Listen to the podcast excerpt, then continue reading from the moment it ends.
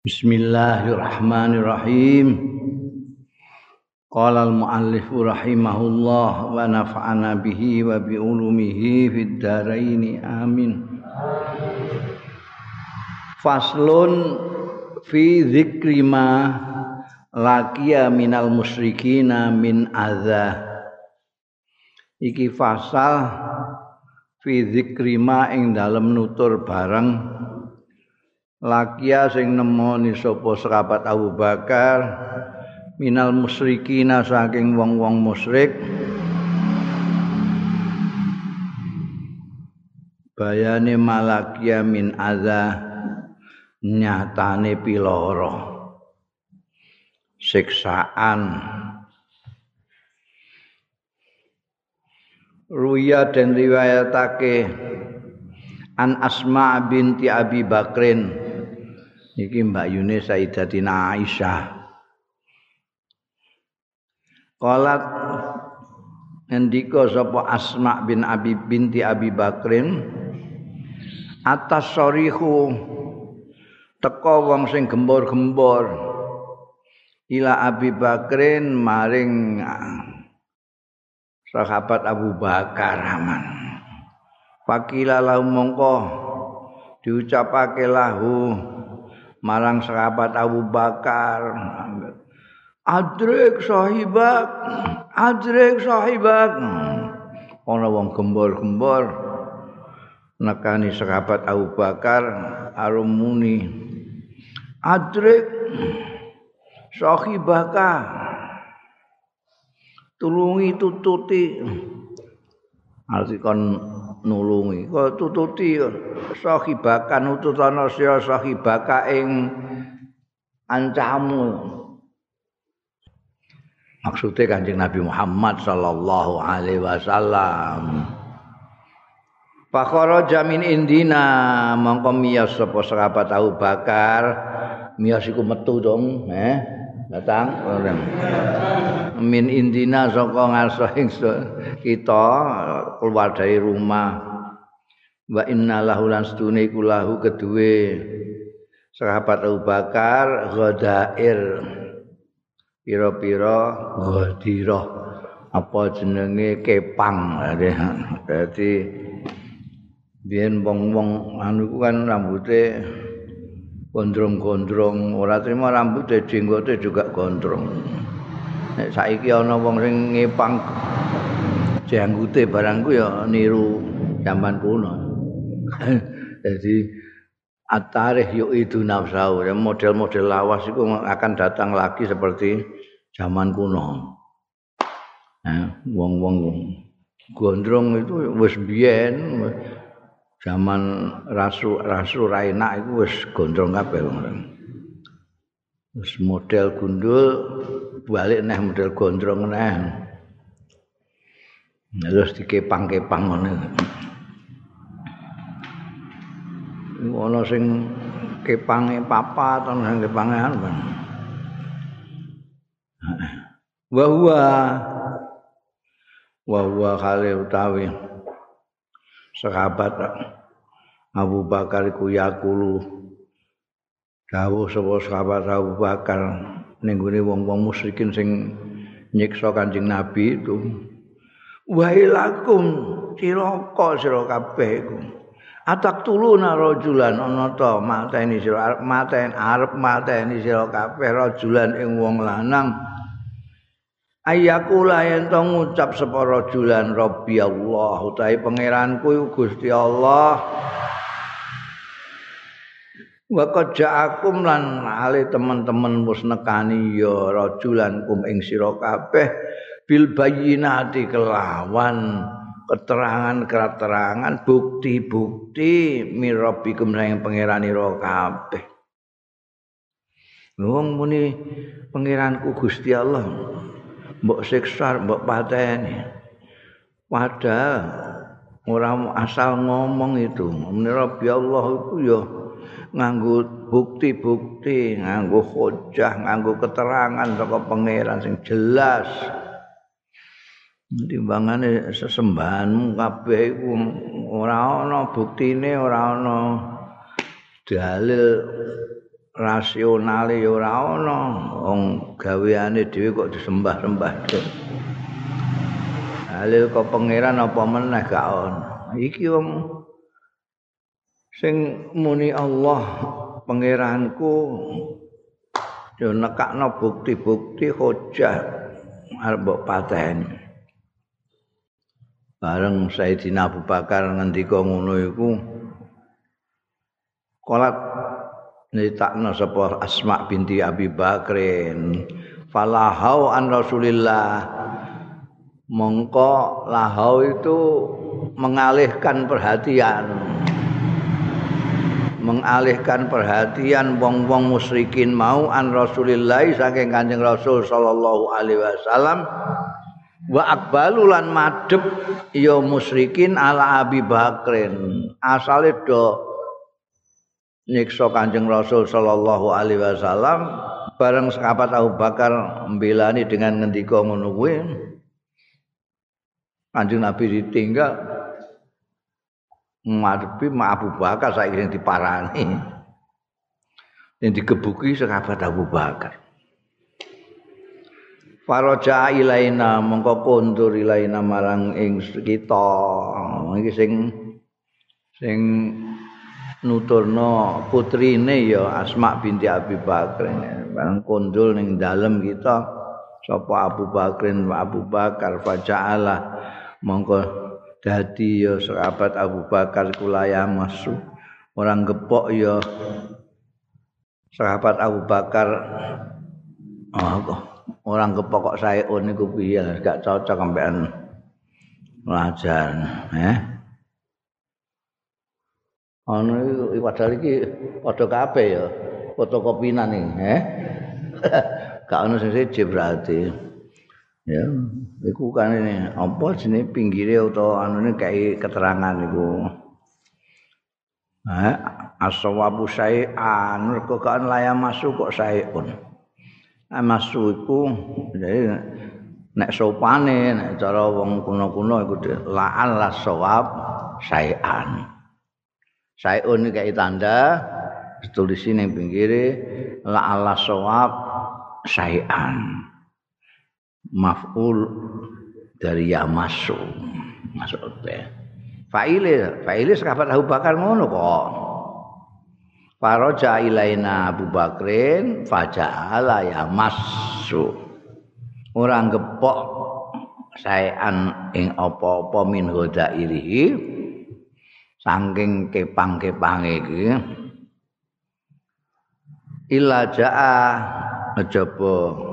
undur ya sahabat Abu Bakar ma'ahu sartane Kanjeng Rasul sallallahu alaihi wasallam wa huwa yaqulu wa huwa Kanjeng Rasul ngendika tabarak ya zal jalali wal ikram Maha suci panjenengan ya zal jalali wal ikram duh pangeran kang anduweni kemuliaan dan kemurahan. Jadi bukan hanya kawan biasa, sahabat biasa. Sahabat Abu Bakar itu setia kawannya mbek Kanjeng Rasul sallallahu alaihi wasallam sampai ngadepi wong musyrik semono ae perlu mbelani Kanjeng Rasul sallallahu alaihi wasallam. Wong-wong nanti berbalik dari nglarakno Kanjeng Nabi genti eh nyiksa sahabat Abu Bakar. Pokoknya sahabat Abu Bakar bagaimana caranya supaya menyelamatkan Kanjeng Nabi Muhammad sallallahu alaihi wasallam. Ya di ngendikane kalau putri ini Sayyidatina Asma binti Abi Bakrin la ya maksud sayan min goda. Dipikir pun dia belum apa terus gak demek-demek anune sampai ja'a mahu dadi sahabat Abu Bakar nunggoni kanjeng Nabi itu sampai di di gawa kondur bareng-bareng. Faslun fi dzikri infaqihi fi sabilillah wa nafaqatihi Pasal iki ing dalem nutur infake iki wis dadi bahasa Indonesia infak iki. Wis dadi bahasa Jawa. Enak banget infak itu memberikan sesuatu tanpa imbalan. Nek nganggo imbalan jenenge dol tinuku. Eh itu memberikan gitu saja. Balasannya apa? Ya ganjaran. Nek Gusti Allah ngersake ganjar. Infaki infake sahabat Abu Bakar fisabilillah ing dalem dalane Allah fisabilillah sabilillah. Iki juga wis dadi bahasa Indonesia.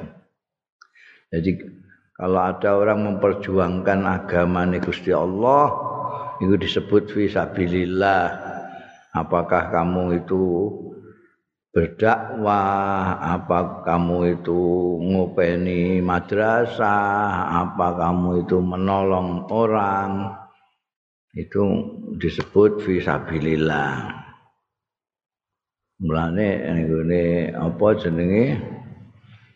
Eh, mustahik mustahiknya zakat itu visabilillah ono itu tidak. Kalau dulu diberikan kepada mereka yang ikut perang melawan orang-orang yang musuhi orang Islam yaitu kaum musyrikin kufar Mekah lah itu kemudian sekarang ya untuk orang-orang yang berjuang dengan cara apa pun untuk i'la kalimatillahi al-ulya yaitu agamanya Allah disebut fisabilillah juga. Nafakahna bondo fisabilillah. Wa nafaqatihi lan nafakoe sahabat Abu Bakar. Nah. Iki kok yo dongeng iki. Ruwiya dan riwayatake an Umar bin Khattab, sayang sahabat Umar bin Khattab radhiyallahu anhu. Sahabat Umar iki sing ngriwayatno hadis. Olehannya juga sahabat nih kanjeng kanjeng Nabi juga sahabat Abu Bakar sama-sama maratuane Anjing Rasul sallallahu alaihi wasallam. Kalau Sayyidina Abu Bakar kagungan putri sing dijawab Kanjeng Nabi yaitu Sayyidatina Aisyah. Kalau Sayyidina Umar kagungan putri Sayyidatina Khafsah. Sayyidina Khafsah di garwane Kanjeng Nabi juga. Sayyidina Umar dari Sayyidina Umar radhiyallahu anhu kala ngendika Sayyidina Umar amarona perintah ing kita sapa Rasulullah Kanjeng Rasul sallallahu alaihi wasallam annata saddaqa biyen itu kan koyok tentara-tentara barang ngono iku ongkos dhewe, biaya dhewe. Jadi perjuangan-perjuangan itu mereka mulane bi ampusihim wa ambalihim. Kowe nek melok perang ya kudu ora mok nggawa awak tok bondo. Nggawa jaran dhewe, nggawa unta dhewe, nggawa perlengkapan senjata dhewe. Kecuali nanti ada kawanmu yang mau bantuin aku di jalan loro ngono nggo kau nggo kowe siji. Itu jenenge napa kana kanggo kancane. Ayo kanjeng Nabi biasa mengumpulkan sahabat-sahabat itu kalau ada kebutuhan untuk berjuang fisabilillah eh, sapa sing arep sedekah. Suatu saat iki dawuh Sayyidina Umar. Kanjeng Rasul merintahno anata sedekah yen sedekah kita. Wa wafaqolan ngepasi kebenaran. Apa zalika perintah Kanjeng Rasul sallallahu alaihi wasallam mau? Ngepasi malan ing bondo India ana sanding ingsun. Aku bantuk badi akeh. Kari-kari Kanjeng Nabi merintahno sedekah. Pas fakultu mongko. Graita sapa ingsun? Al yauma dina iki asbiku aku asbiku balap sapa ingsun Abu Bakrin ing sahabat Abu Bakar. In sabaktu lamun kepengin balap sapa ingsun ing Abu Bakar yauman suatu hari. Kalau saya suatu saat suatu ketika ingin membalap sahabat Abu Bakar ini saatnya aku pas untuk buat di pirang-pirang Kala faji itu mongko teko sapa ingsun binis bimali kelawan separuh buandaku sing lagi entuk waki ngono tak paring separuh tak aturno separuh. Ngantek fakola ngendika sapa Rasulullah sallallahu alaihi wasallam. Duh, di separuh bagian kabeh nggih. Maaf kau tadi ahli. Tapi apa iku apkaita sing nyisihno sira li ahlika kanggo keluargamu. Lah keluargamu mbok kaipun fakultu mau matur sapa ingsun mislahu. Kula sisake kangge keluarga kula sepadane niki. Tesih wonten sepalih malih. Mergo saking ngangkae kanjeng Nabi lho kok seminake iki? Lah kanggo keluargamu? Gak mbok sisane mboten keluarga kula nggih sementen iki Berarti beliau memberikan separuh dari hartanya. Karena ketika ditanya oleh kanjeng Nabi Muhammad Shallallahu Alaihi Wasallam, untuk keluargamu apa? Seperti ini. Berarti separuh yang diberikan. Wa atas rawuh sapa Abu Bakar Abu Bakar bikul lima indahu kelawan seluruh barang indahu kang ono tandingi sahabat Abu Bakar. Kayak no kabeh fakola mongko dawuh lahu marang sahabat Abu Bakar sapa Rasulullah Kanjeng Rasul sallallahu alaihi wasallam. Maaf kaitali ahlik padha karo nalika ngendika ning Sayyidina Umar mau. Utaya apa kaita menyisakan kamu li ahlika kanggo keluargamu. Apa jawabnya sahabat Abu Bakar? Kala matur sapa sahabat Abu Bakar. Abqaitu lahum. Kula ngerekaken lahum kangge ahli kula Allah wa rasulah. Allah lan utusannya Allah. Pun cekap pun kula bakas kali keluarga wau. Keluarga kula cekap gadah Gusti Allah kalian Rasulullah. Iku aku ora sekon ingin. Iki perilakunya salaf ini nek mbok critakno saiki kaya dongeng. Eh dongeng kamu. Fakultu mongko ngrai to batin sapa ingsun la usabi ku ila sain abadan blas ora iso nyalip blas aku. Ing Abu Bakar ila syai'in maring suci-wici abadan selawase grenengane sekabat Umar itu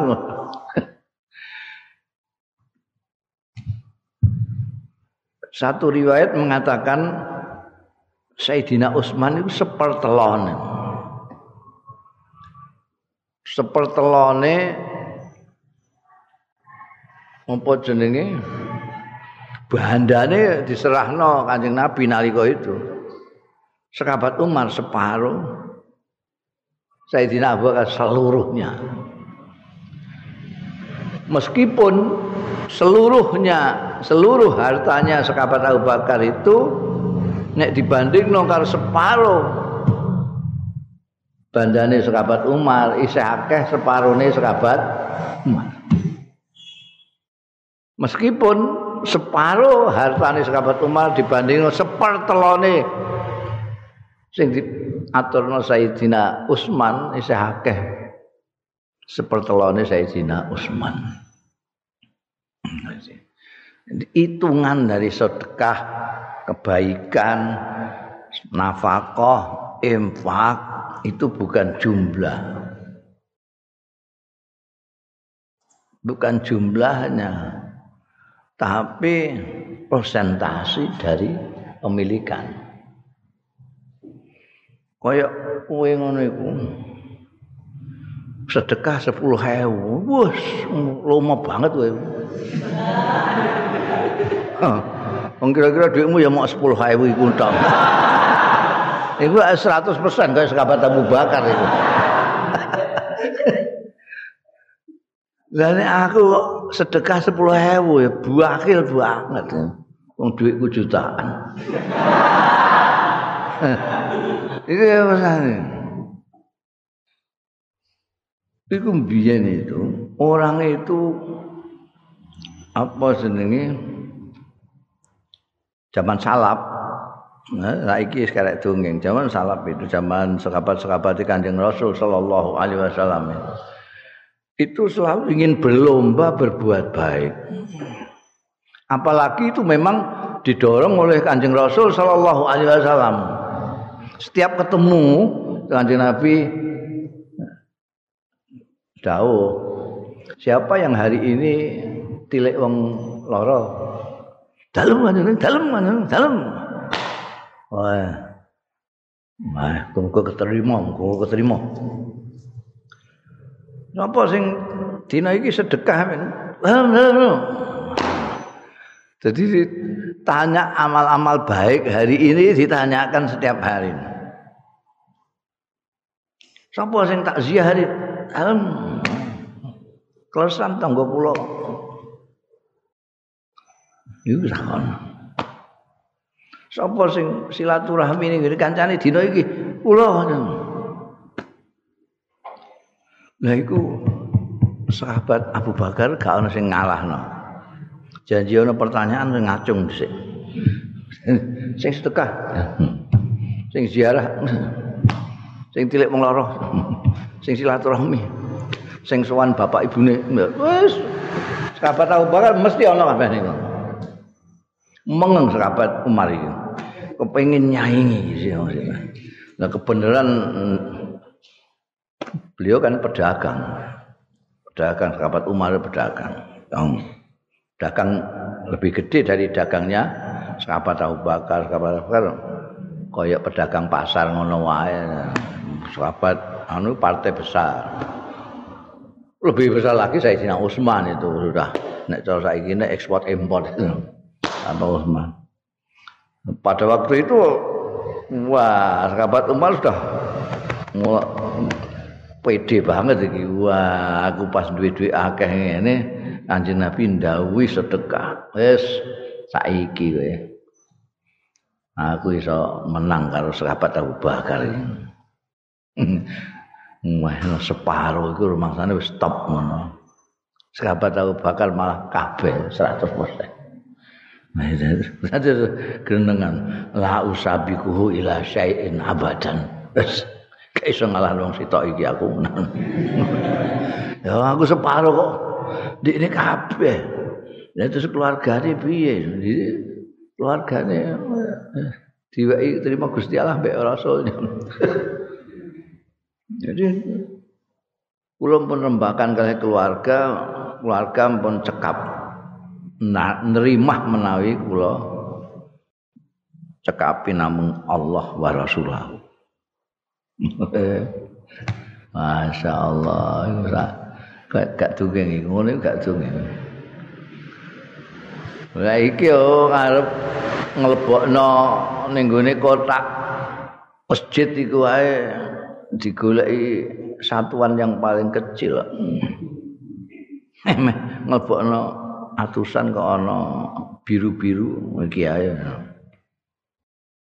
Biru-biru meh enak kok ana ijo-ijo sing ijo-ijo ae. Ijo-ijo meh dilebokno kok ana sing klawu-klawu ya Suwe-suwe lho, bareng wis kene kok ana recehan-recehan klotak. Nah, itu. Ya Allah. Ini gini nututi piye kowe? Nututi. Ulama salah iku piye? Sekarang melonggang longgong ngono tok. Endingane sepertiga harta setengah harta seluruh harta. Nah, aku terus pundi niku nek dari barang sepundi. Nah, iku mulane gak dongeng. Orang dulu itu kanjeng Nabi Muhammad Shallallahu Alaihi Wasallam seesak sekabar sahabat orang kayak zaman saiki zaman saiki ku jenenge nyambut gawe iku kalau sudah ada jaminan. Ada jaminan. Mulane wong do oyo-oyoan dadi PNS saiki AS apa? PNS saiki diganti ASN. ASN. Pegawai negeri itu kenapa? Karena bisa dicagerno setiap bulan nyorek untuk gak duit engko nek wis ora nyambut gawe isih duwe. Pensiun jenenge lho ya pensiun. Mulane wong do ayo-ayo ada di PNS nek perlu meseli eh meseli nyogok ora apa-apa luweh enak meneh DPR Oh, mulane akeh luwih nemen ning DPR iki gelem bayari kowe. Amplope minimal 50 1000. Sak ndas. Bab iku mau limang tahun tapi ana pensiune selawase. Oh, wong saiki cita-cita yang paling top itu dadi bintang film ae. Nyalon DPR saiki iku. oh, DPR wis isih ana apa jenenge pensiune lho kerja limang tahun iki leren pensiun selawase lha nek dadi bintang film engko nek wis rupane wis ora pati apik. Wis ora dikanggokno karo produser. Ora iso untuk income. Dong melbu jadi politik melbu DPR gak untuk income kok film untuk pensiunan. Oh jadi saiki ku kudu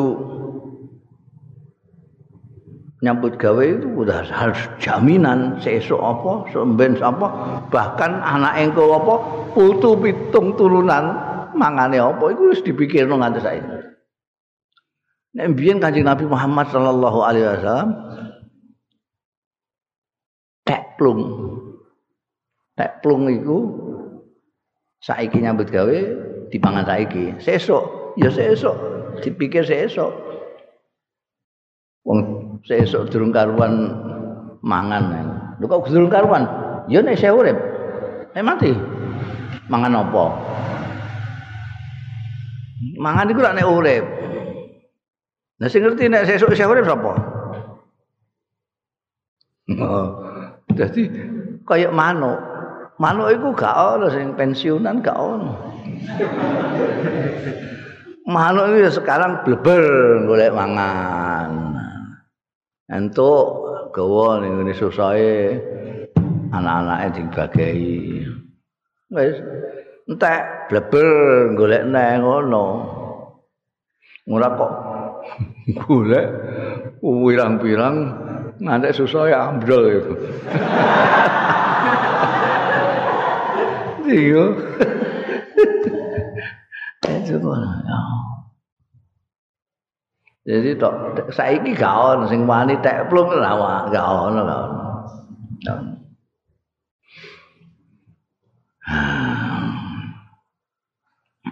Aslun.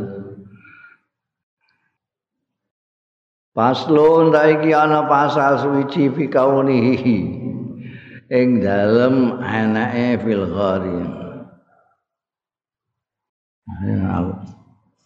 Nek biyen apa barang ku mak isae nulis tulisane payu ta ora. Payu ya mangan lah ya poso. Eh. Payu. Aku luwih nemen neh aku nulis mok ning media massa.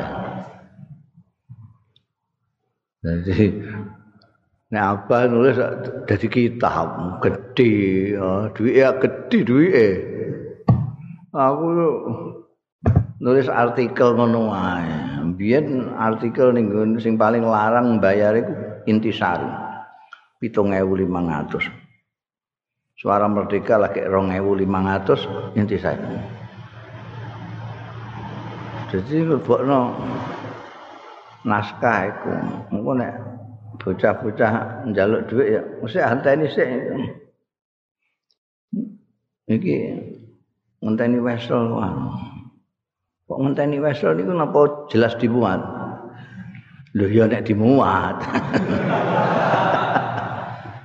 Nah dilalai kok angger bulan kok dimuat ya bejane.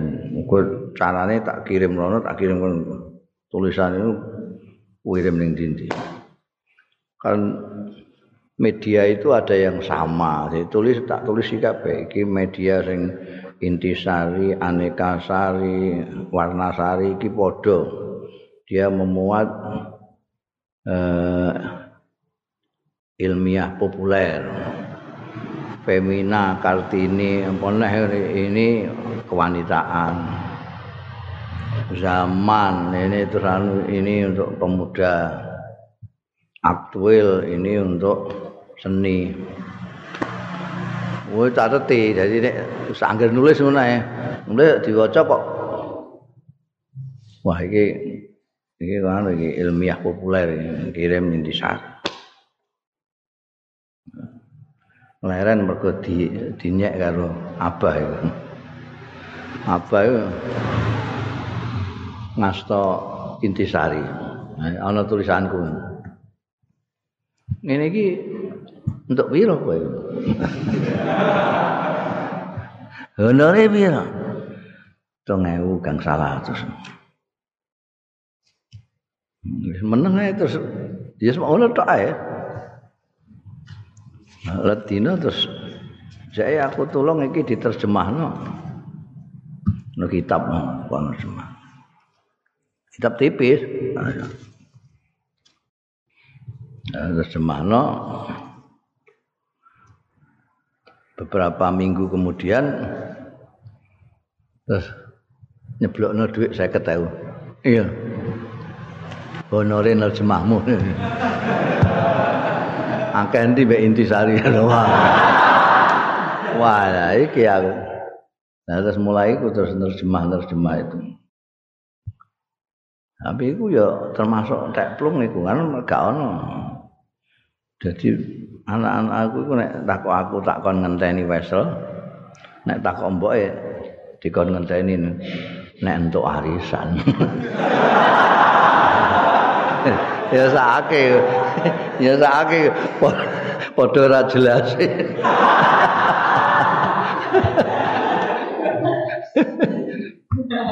Tapi dibanding wong biyen ya jelas saiki ya jelas biyen koyo ngono teplung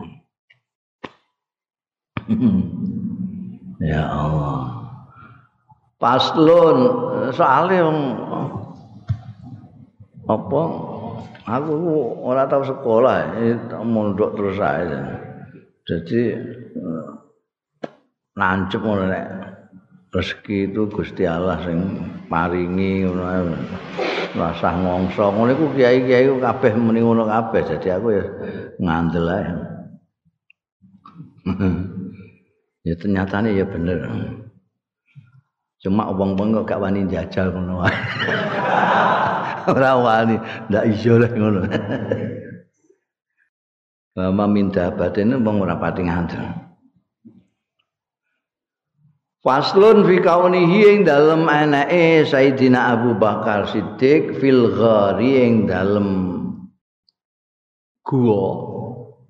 Ma'an nabi satane kanjeng nabi sallallahu alaihi wasallam wa wiqayatihi lan anggone nglindungi sahabat Abu Bakar Siddiq iyahu ing iya kanjeng nabi sallallahu alaihi wasallam binafsi kelawan awak dhewe ne sahabat Abu Bakar Siddiq wa du'ain nabi lan dungane kanjeng nabi sallallahu alaihi wasallam lahu marang sahabat Abu Bakar Siddiq. Jadi pasal ini menerangkan pada saat sahabat Abu Bakar bersama-sama Said Kanjeng Nabi Muhammad Shallallahu Alaihi Wasallam ngawani di gua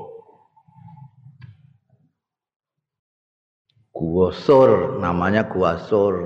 Nek sing tinggu semedi Kanjeng Nabi ning gua Hira waktu menerima wahyu pertama itu. Nek sing tinggu bareng-bareng karo sahabat Abu Bakar iki gua sur agak jauh dari Mekah cedak Jabal Nur. Gua Hira itu lebih dekat. Wasur jauh. Kowe munggah itu kira-kira iso, iso jam-jaman telu setengah jam agak tekan kon. gua gua ini kok orang mbok aja mbok bayangno kaya gua ning kene. Gua selarong barangku kambanan itu mau itu seperti hanya batu jatuh ke batu yang lain terus ana growongane ngono ae. Nek gua iki kan gua sing disebut gua ngono iku. Jadi ndak kaya ning kene gua ngombu-ombu gua selarong gua anu Itu sahabat Abu Bakar sampai kanjeng Nabi. Bagaimana di gua itu sahabat Abu Bakar tuh jaga nih pemimpinnya guru kanjeng Nabi Muhammad Shallallahu Alaihi Wasallam sampai kanjeng Nabi ndongak non ini sahabat Abu Bakar. Ruwiya an Anasin dan riwayatake saking sahabat Anas radhiyallahu anhu kala ngendika sapa sahabat Anas lama kana Lailatul Ghar bareng tinemu apa Lailatul Ghar? Malam Ghar. Seperti diketahui ini terjadi pada saat Kanjeng Rasul sallallahu alaihi wasallam mau hijrah ke Madinah mau hijrah ke Madinah.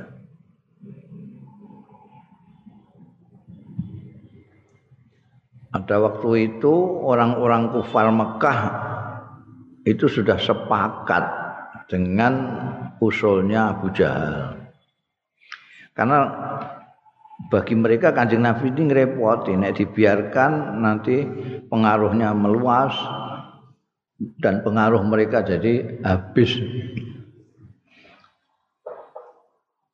Nek ini siapa yang mata ini? Sebab tradisi yang sudah mengakar dari zaman dulu kala iku nek ana wong mateni itu harus mesti ana sing nuntut bela dari kabilahnya itu. Bener atau tidak bener pokoknya kue nyalai orangnya maka dia akan balas dan mungkin balasannya lebih sadis lagi. Nah iki engko nek ngantek dipateni Anjing Nabi Muhammad sallallahu alaihi wasallam bagi mereka ya Muhammad ngono Muhammad nek dipateni iki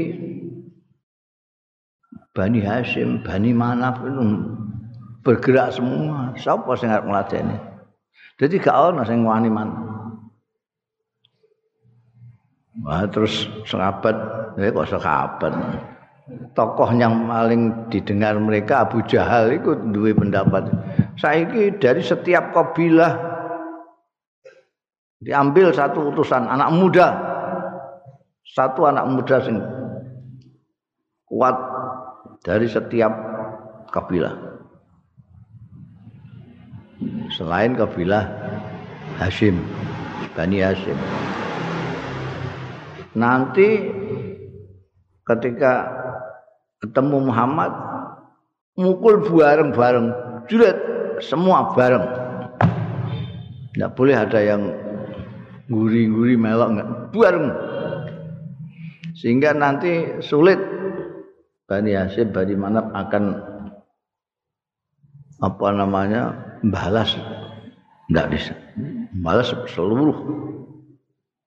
Kabilah apa marah dilawan kabeh wong iki mateni ini bareng-bareng. Maka terus malam ketika Kanjeng Nabi Muhammad sallallahu alaihi wasallam akan hijrah itu anak-anak muda tidur ning gone ngarep omah, ngarep daleme Kanjeng Nabi itu kuwebek mereka itu. Mau pedang kabeh. Nah, sing arep di ateni ku utusane Gusti Allah kekasih Gusti Allah hmm. oh cinta ini mulai sore dan kanjeng Nabi Miyas do turu kabeh. Kaya disirep. Jadi kanjeng Nabi bablas, bablas wis janjian kalau sahabat Abu Bakar Siddiq. Tuangi gak ono kanjeng Nabi golek kabeh. Kanjeng Nabi wis tekan gua sur iki ambekan Abu Bakar. Mereka golek ira. Aku tahuan apa jenenge rekonstruksi rekonstruksi ya turun ning kono wah wah repot kabeh mau kiute semun delok sikile wong sing ngadeg ning gone ngarep iku ket ketok dan wonge ngingeti sikile ya ketok sing ning jero gua Bayang no itu. Kuasane Gusti Allah. Ya. Iki kisah sing dikisahno sahabat Anas ini ngendikake lama kana Lailatul Ghar qala Abu Bakrin Ngendika sapa sahabat Abu Bakar radhiyallahu anhu, "Dakni ya Rasulullah." Ngumbar ngumbarke panjenengan jenengan mbarke kula ya Rasulullah li adkhula supados mlebet kula qabla kasak darange jenengan. Jadi mau masuk ke Gua Sur itu ah, Kanjeng Nabi disuruh jenengan mangke mawon, kula tak mlebet riyen. Bareng kula ben mlebet riyen. Maksudmu piye kok kowe dhisik? Fa ing kanat mongko lamun tinemu apa khayatun ula wong gua ya. Au sayun utawa sesuatu mongko jengking apa-apa. Kanat mongko ana ya khaya atau syai bi ngenai kelawan ingsun koblaka sakderenge jenengan.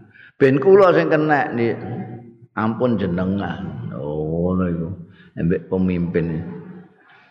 Kenapa sampai begitu? Karena pemimpinnya menyintai yang dipimpin. Nek ora ya gak gelem ah. Mapakno awake dhisik pangan ula. Oh, ngono njaluk izin. Kula jenengan parengaken mlebet rumiyin, mbok menawi wonten sawer utawi napa nak napa. Ya wis, kala udkhul. dawuh sapa Kanjeng Rasul sallallahu alaihi wasallam udkhul wis mlebu Fatakhala mangko mlebet sapa Abu Bakar sahabat Abu Bakar radhiyallahu anhu faja'ala mangko tumandang sapa sahabat Abu Bakar yaltamisu iku yaltamisu goleki biadi kelawan astane sahabat Abu Bakar. Dadi gua iku di apa digoleki ana apa grayang-grayangi no grayang-grayangi biadi fakulama ro'a hajaran fakulama mongko mongso-mongso ningali sapa sekabat Abu Bakar Siddiq hajaron ing watu bukan hajaron jimin ning arep kok ya jimin ning arep ah itu titike melocat sithik maknane wis adoh banget iku. Eh. Hajaron nambekan juhron. Nek jime ning ngarep macane juhron. Nek jime ning ngene nguri jen hajaron. Nek hajaron maknane watu, juhron maknane lobang. Fakulamalan semongso-mongso ro'a ningali kan Kanjeng sahabat Abu Bakar juhron ing leng bolongan. Malah mongko ondong sapa sahabat Abu Bakar bisa ubi kelawan dodote sahabat Abu Bakar. Fasakohu sahabat Abu Bakar itu digambarkan pakaiannya selalu lebih. Mulane nalika kanjeng Nabi ngendikake nek berpakaian aja ngantek. Sak ngisore mata kaki mundak nyerempet-nyerempet apa. Iku kuyalak kaya orang-orang Rom itu pakaiannya kan ambek nyaponi tanah itu sombong kan ini enggak oleh wong Islam niru wong-wong ngono kuwi pakaiane nglembre lah sahabat Abu Bakar matur lah kula niku nek pakaian kula niku kula mesti kula cekeli mergo nek mboten kula colake mesti nglembre ya Mbak Dawe Kanjeng Nabi nek kowe ora bakal sombong awang kowe. Ono ya. Mbah dalil iki mbah diroi karo sing cingkrang-cingkrang mbah ora. Kowe dalile cingkrang dalil hadis kok entuk ngambrehno iki. ora ngerti dalil sahabat Abu Bakar barang iki. Wae nek ana bolongan lho kok bolongan iki engko ndang lengi kok jengking apa ngono. Pakaiane disuwek fasaqahu nyuwek ing saubahu mongko nyuwek sapa sahabat Abu Bakar hu ing saubahu summa alqamahul jukhr. Mongko kari-kari nyumpelno sapa sahabat Abu Bakar hu ing saubahu mau al jukhra ing bolongan mau. Jadi sak durunge Kanjeng Nabi Muhammad sallallahu alaihi wasallam melok mlebu ning guwa kawal iku observasi dhisik didelok sik. Ana bolongan sumpeli karo pakaiane. Suwekno pakaiane nggo nyumpeli bolongan. Malek ngono ya. Hatta fa'ala zalika bisaubi ajma sehingga ndadekake sapa sahabat Abu Bakar zalika yang mengkono mau pokoke anggerono disuwekno klambine bisaubi kelawan dodone sahabat Abu Bakar ajma sekabehane Fabakia.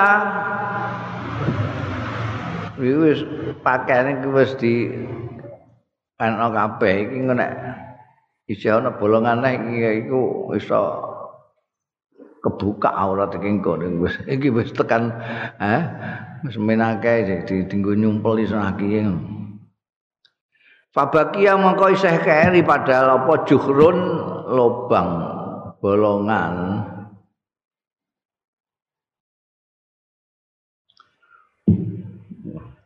Nah ini klampi ini wis dintekno kanggo nyumpeli sing liya-liyane mau. Saiki enek isih ana bolongan sitok iki piye?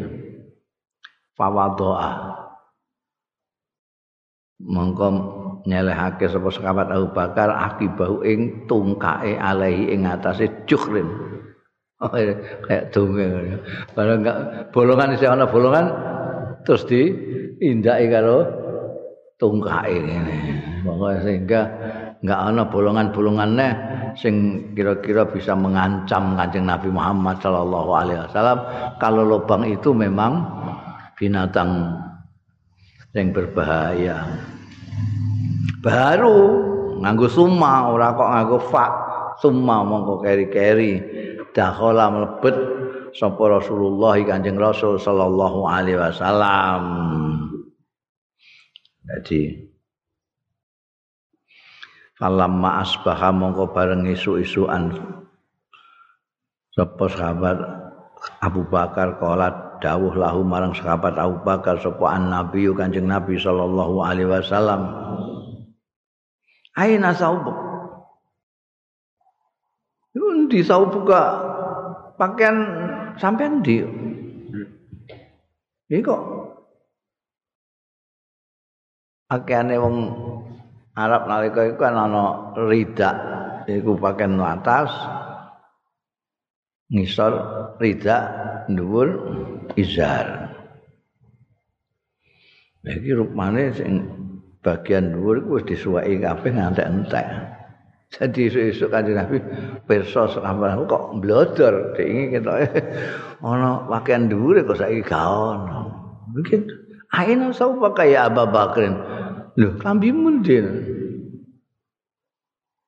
Mau fa akhbarahu mongko ngabari sapa sahabat Abu Bakar ing Kanjeng Nabi sallallahu alaihi wasallam billazi sana'a kelawan barang sana'a kelawan perkara sana'a kang gawe sapa sahabat Abu Bakar kula nggih nutupi bolongan-bolongan iki kathah bolongan jare menika niku nggih bolongan niku niku kula suwekake klambi kula sing kula nggih nutupi. Ya Allah. Farafa'an nabiyyu. Mongko banggul ngangkat sapa kanjeng Nabi sallallahu alaihi wasallam. Yadahu ing astane kanjeng Nabi wa lan munajat sapa Kanjeng Nabi. Allahumma. Ndonga sapa Kanjeng Nabi. Allahumma. Du Gusti Allah ij'al mungkin dadosaken panjenengan Abu Bakrin ing sahabat Abu Bakar mai sartane kula fi darajating dalem derajat kula yaumal kiamat ana ing dina kiamat. Kanjeng Nabi terharu sampai segitunya sahabat Abu Bakar Siddiq itu melindungi Kanjeng Nabi dari kemungkinan-kemungkinan ancaman-ancaman binatang-binatang yang berbahaya. Kanjeng Nabi terus langsung ngangkat astane ndonga Allahumma ja'al Abu Bakrin mai fi darajati yaumal qiyamah. Jadi nanti itu Kanjeng Nabi itu yang bersama-sama sahabat Abu Bakar. Dunia akhiran. Fa'aukhallah mongko paring wahyu sapa Allah Gusti Allah Azza wa Jalla ilaihi marang Kanjeng Nabi sallallahu alaihi wasallam langsung diberi wahyu anallahu astune Gusti Allah taala qad istajabalak teman-teman harus ngijabahi sapa Allah laka marang sliramu Muhammad. Itu mergo sing nyampekno itu malaikat Jibril, malaikat langsung ndawuhi Kanjeng Nabi, dongamu supaya Abu Bakar bersama-sama satu derajat dengan kamu di hari kiamat dikabulkan oleh Allah Subhanahu wa taala. Masya Allah. Lang kaya ngono jare labuhane sahabat Abu Bakar terhadap malah ana riwayat meneh sing sapa jenenge? Sahabat Abu Bakar ini dintuk kala jengking apa? Dimpet. Ora ora wani mengeluh ora wani sambat. Nekun ning depan gua itu orang-orang kufar Mekah masih klitar-klitar goleki. Faslun zikru khitabihi wa mawa'idhihi wa kalamihi wallahu a'lam.